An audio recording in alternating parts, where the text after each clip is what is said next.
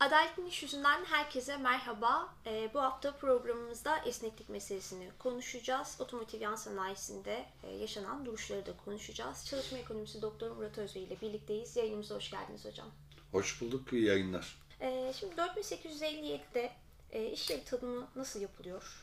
4857 sayılı iş yasa açısından baktığımızda yani iş yerinin olabilmesi için aslında 1475'ten çok farklı değil. Biraz daha geniş bir tanım var. Öncelikle bir mal veya hizmet üretiminin hedeflenmesi yani teknik amaç dediğimiz bir organın olması gerekiyor. İş yerinin olmazsa olmaz koşulu bir fiziksel mekanın bir mal veya hizmet üretimi için özgülenmiş olması gerekiyor. Bu mal veya hizmet üretimi için gerekli maddi olan veya maddi olmayan tüm unsurlarıyla birlikte yapılan işveren organizasyonuna iş yeri deniliyor. Bu işveren organizasyonunun zorunlu olarak tek bir amaç için, yine tek bir teknik amaç için yani teknik amaç dediğimiz zaman hep mal ve hizmet üretimi.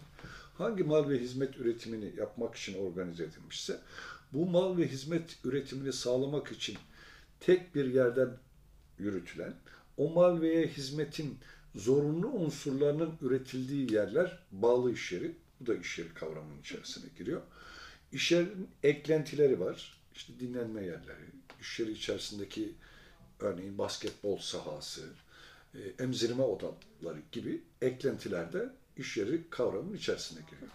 Dolayısıyla 1475'te net bir tanım vardı. Deniliyordu ki iş yeri işin yapıldığı yerdir. Şimdi iş yeri işin yapıldığı yerdir dediğin andan itibaren örneğin bir ilaç müessesenin Türkiye genelinde çalıştığı yerlerin e, bir başkasının iş yerini gibi tartışmalar çıkıyordu ortaya. Bu tartışmaları işverenin organizasyonu tabir tanımıyla 4857 bir anlamda gidermiş oldu. Dolayısıyla esneklikle bağlantısı kurulacak olacak olursa burada esneklik iş yeri tanımının ötesinde başka bir şey. Çok pozitif kavramlarla sunulan, işçiler açısından zamanına hakim olmayı getirdiği, işçinin kendi gereksinimlerine göre ne kadar çalışacağını belirlediği yeni bir sistem olarak sunulmuş olmasına rağmen ne yazık ki özellikle de kriz anlarında işçiler için esnekliğin bir cehenneme dönüştüğünü işçi bizzat somut deneyimleyerek öğreniyor.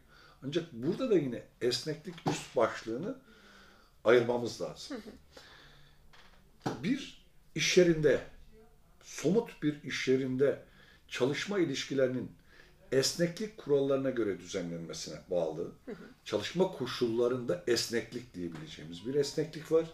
Bir de üretimde esneklik dediğimiz, üretimin dışsallaştırılmasına bağlı olarak sürdürülen, daha çok da ana firmanın etrafında üzüm salkımı gibi dizilmiş tedarikçi firmalardan oluşan ağ içerisinde her biri ayrı bir iş yeri olarak örgütlenmiş bir mal veya hizmet üretiminin belli bir parçasını bağımsız bir işveren olarak üretmeyi hedeflemiş, bunun için bir organizasyon yapmış ancak o ürettiği mal ve hizmet ana firmanın dışında alıcısı olmadı. Sadece ona yaptığı iş organizasyonuna da üretimde esneklik diyoruz. Her ikisi birlikte çalışma hayatının içerisinde var ediliyor. Hem çalışma ilişkilerinde esneklik hem üretimde esneklik.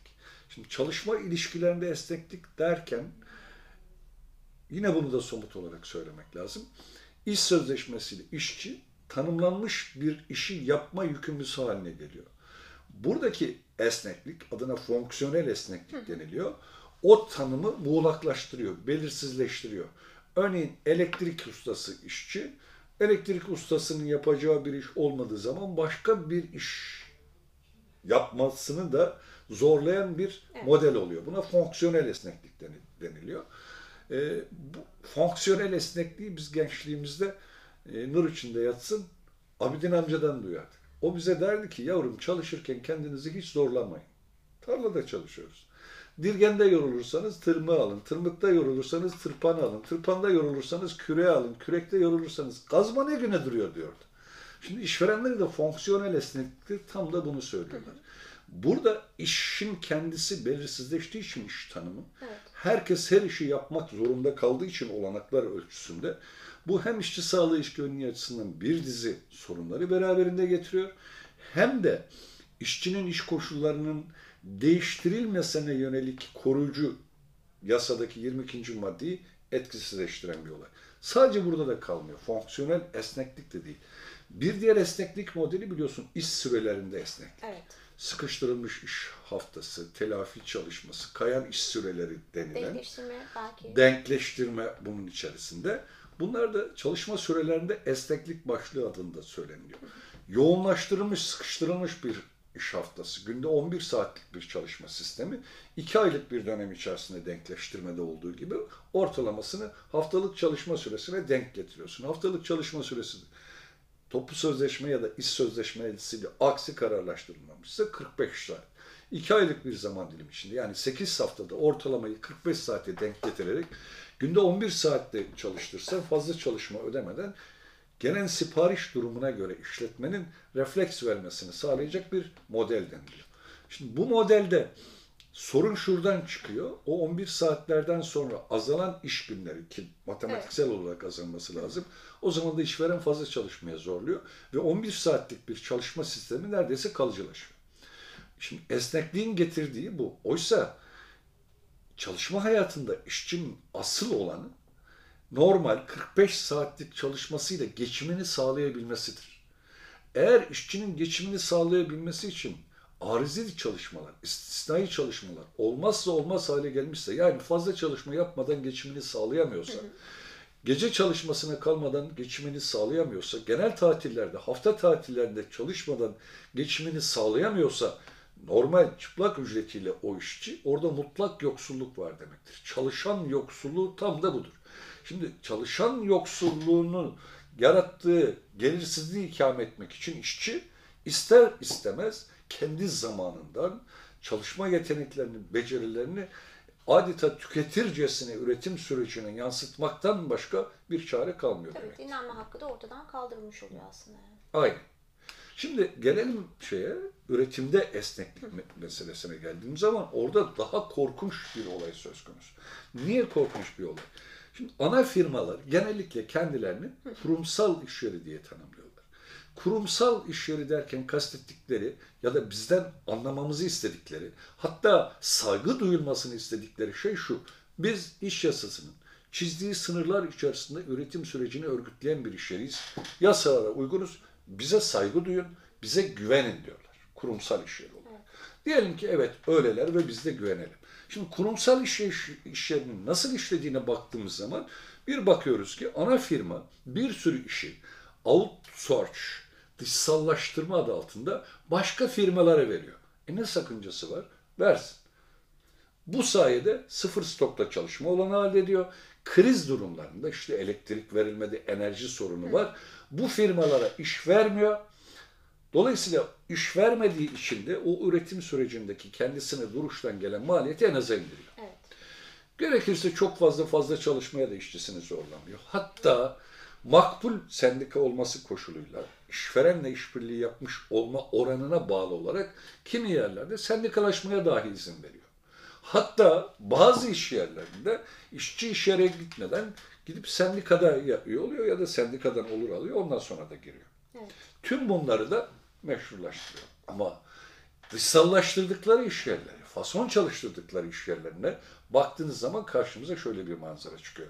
Diyor ki arabanın silecek e, ne? Arabanın işte kapı kolunu, örnek rastgele veriyorum. Şu kadar zaman içerisinde bana şu kadar miktar üreteceksin diye bu üretimin sağlanmaması halinde sözleşmenin tümüyle feslini gerektiren ağır yaptırımlara ilişkin sözleşmeler dayatıyor.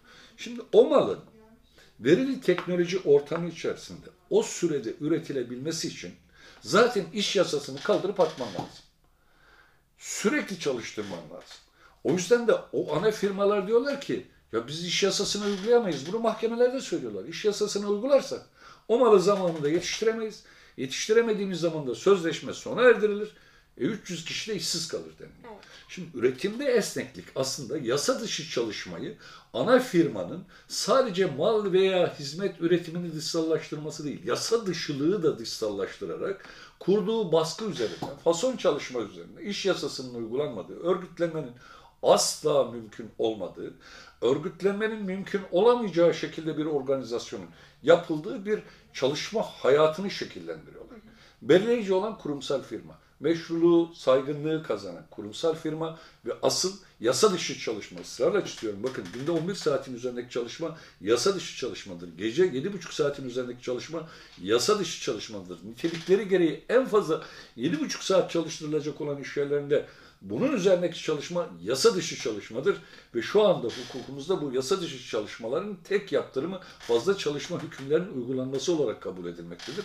Ve yasa dışı çalışmayı yaratan da işte bu üretimde esneklik adı altında bu fason firmalara işin dışsallaştırılması onların tabiri, delege edilmesi, verilmesiyle kurdukları o firmalar arasındaki rekabetten de yararlanarak büyük bir baskı sistemi. Evet.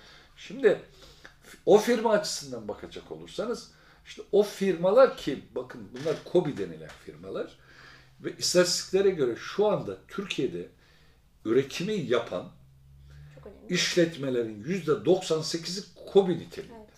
Bu yüzde 98'in içerisinde 30'dan az işçi çalıştıran, dolayısıyla da iş güvencesinin kapsamı dışarısında kalanlar daha geçen hafta hesapladım yüzde 48'i. Dayanağım ne? Dayanağım Sosyal Güvenlik Kurumu istatistikler. Şubat ayı, 2022 yılı Şubat ayı istatistiklerine göre bu KOBİ dediğimiz küçük ve mikro işletme, KOBİ'ler de kendi içerisinde sınıflandırılıyor. Bu sınıflandırmaların içerisinde iş güvencesinin kapsamı dışında yaratılmış istihdam yüzde 48. Kayıt dışı falan değil. Kayıtlının içinde. Kayıt dışını koyarsanız bu daha bir yükseliyor, artıyor. Çünkü yaklaşık yüzde 20'den az olmayacak şekilde de tarım dışı sektörlerde bir kayıt dışılık söz konusu. Dolayısıyla bakın bu kurumsal iş yerleri üretimdeki esneklik sayesinde iş hukukunun asla dokunamadığı, koruyucu mevzuatın maliyet getirmesinin önüne duvarların örüldüğü bir iş organizasyonu içerisinde üstelik saygınlıklarından, meşruluklarından, sözlerinin dinlenir olmasını isteme haklarına gölge düşürmeden 19. yüzyılın sömürü koşullarından daha ağır bir sömürü koşullarını var ediyorlar. Öbür iş yerlerine gel- geldiğiniz zaman da zaten iş yasasının özellikle işin düzenlenmesine ilişkin hükümleri neredeyse hemen hemen hiç uygulanmıyor. Evet, tam da bıraktığınız yerden başka bir sorun olacak. Ee, şimdi otomotiv ve yan sanayilerinde e, ve ham madde tedariğinde yaşanan sıkıntılardan dolayı duruşlar var.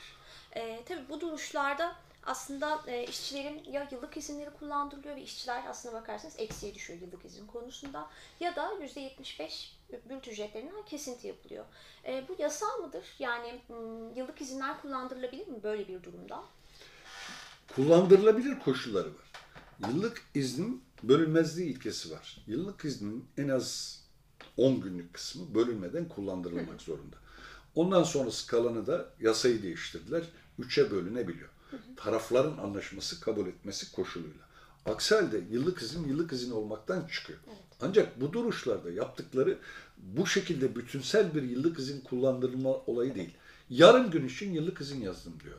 Bir gün için yıllık izin yazdım diyor. Bunların tamamı yasa dışı. Bunların hiçbirisinin yıllık izinden düşürülmemesi gerekiyor. Ama bu çok ilginçtir. İşin düzenlenmesi konusundaki yargıtay kararlarına da baktığınız zaman en esnek kararların da orada çıkmış olduğunu görüyoruz. Aslında Yargıtay bir sürü kararında çok isabetli bir şekilde işçiyi korumak için getirilmiş mevzuatın işçi aleyhine hukuki sonuç doğuracak şekilde yorumlanmaması için ciddi bir iştahat birikimi yaratmış durumda. Ama yıllardır, yani bugünün meselesi değil, yıllardır örneğin yıllık izin konusunda tarafların anlaşıp o bölünmezlik unsurunu da ortadan kaldıracak şekilde bir gün, üç gün yıllık izin kullanmalarını yasaya rağmen bakın yıllardır diyorum bu 1475 sayılı yasadan beri Yargıtay bunu geçerli kabul ediyor. Taraflar anlaşmıştır diyor. Oysa tarafların anlaşması ancak kanunun çizdiği sınırlar içerisinde hukuki sonuçlar doğurur.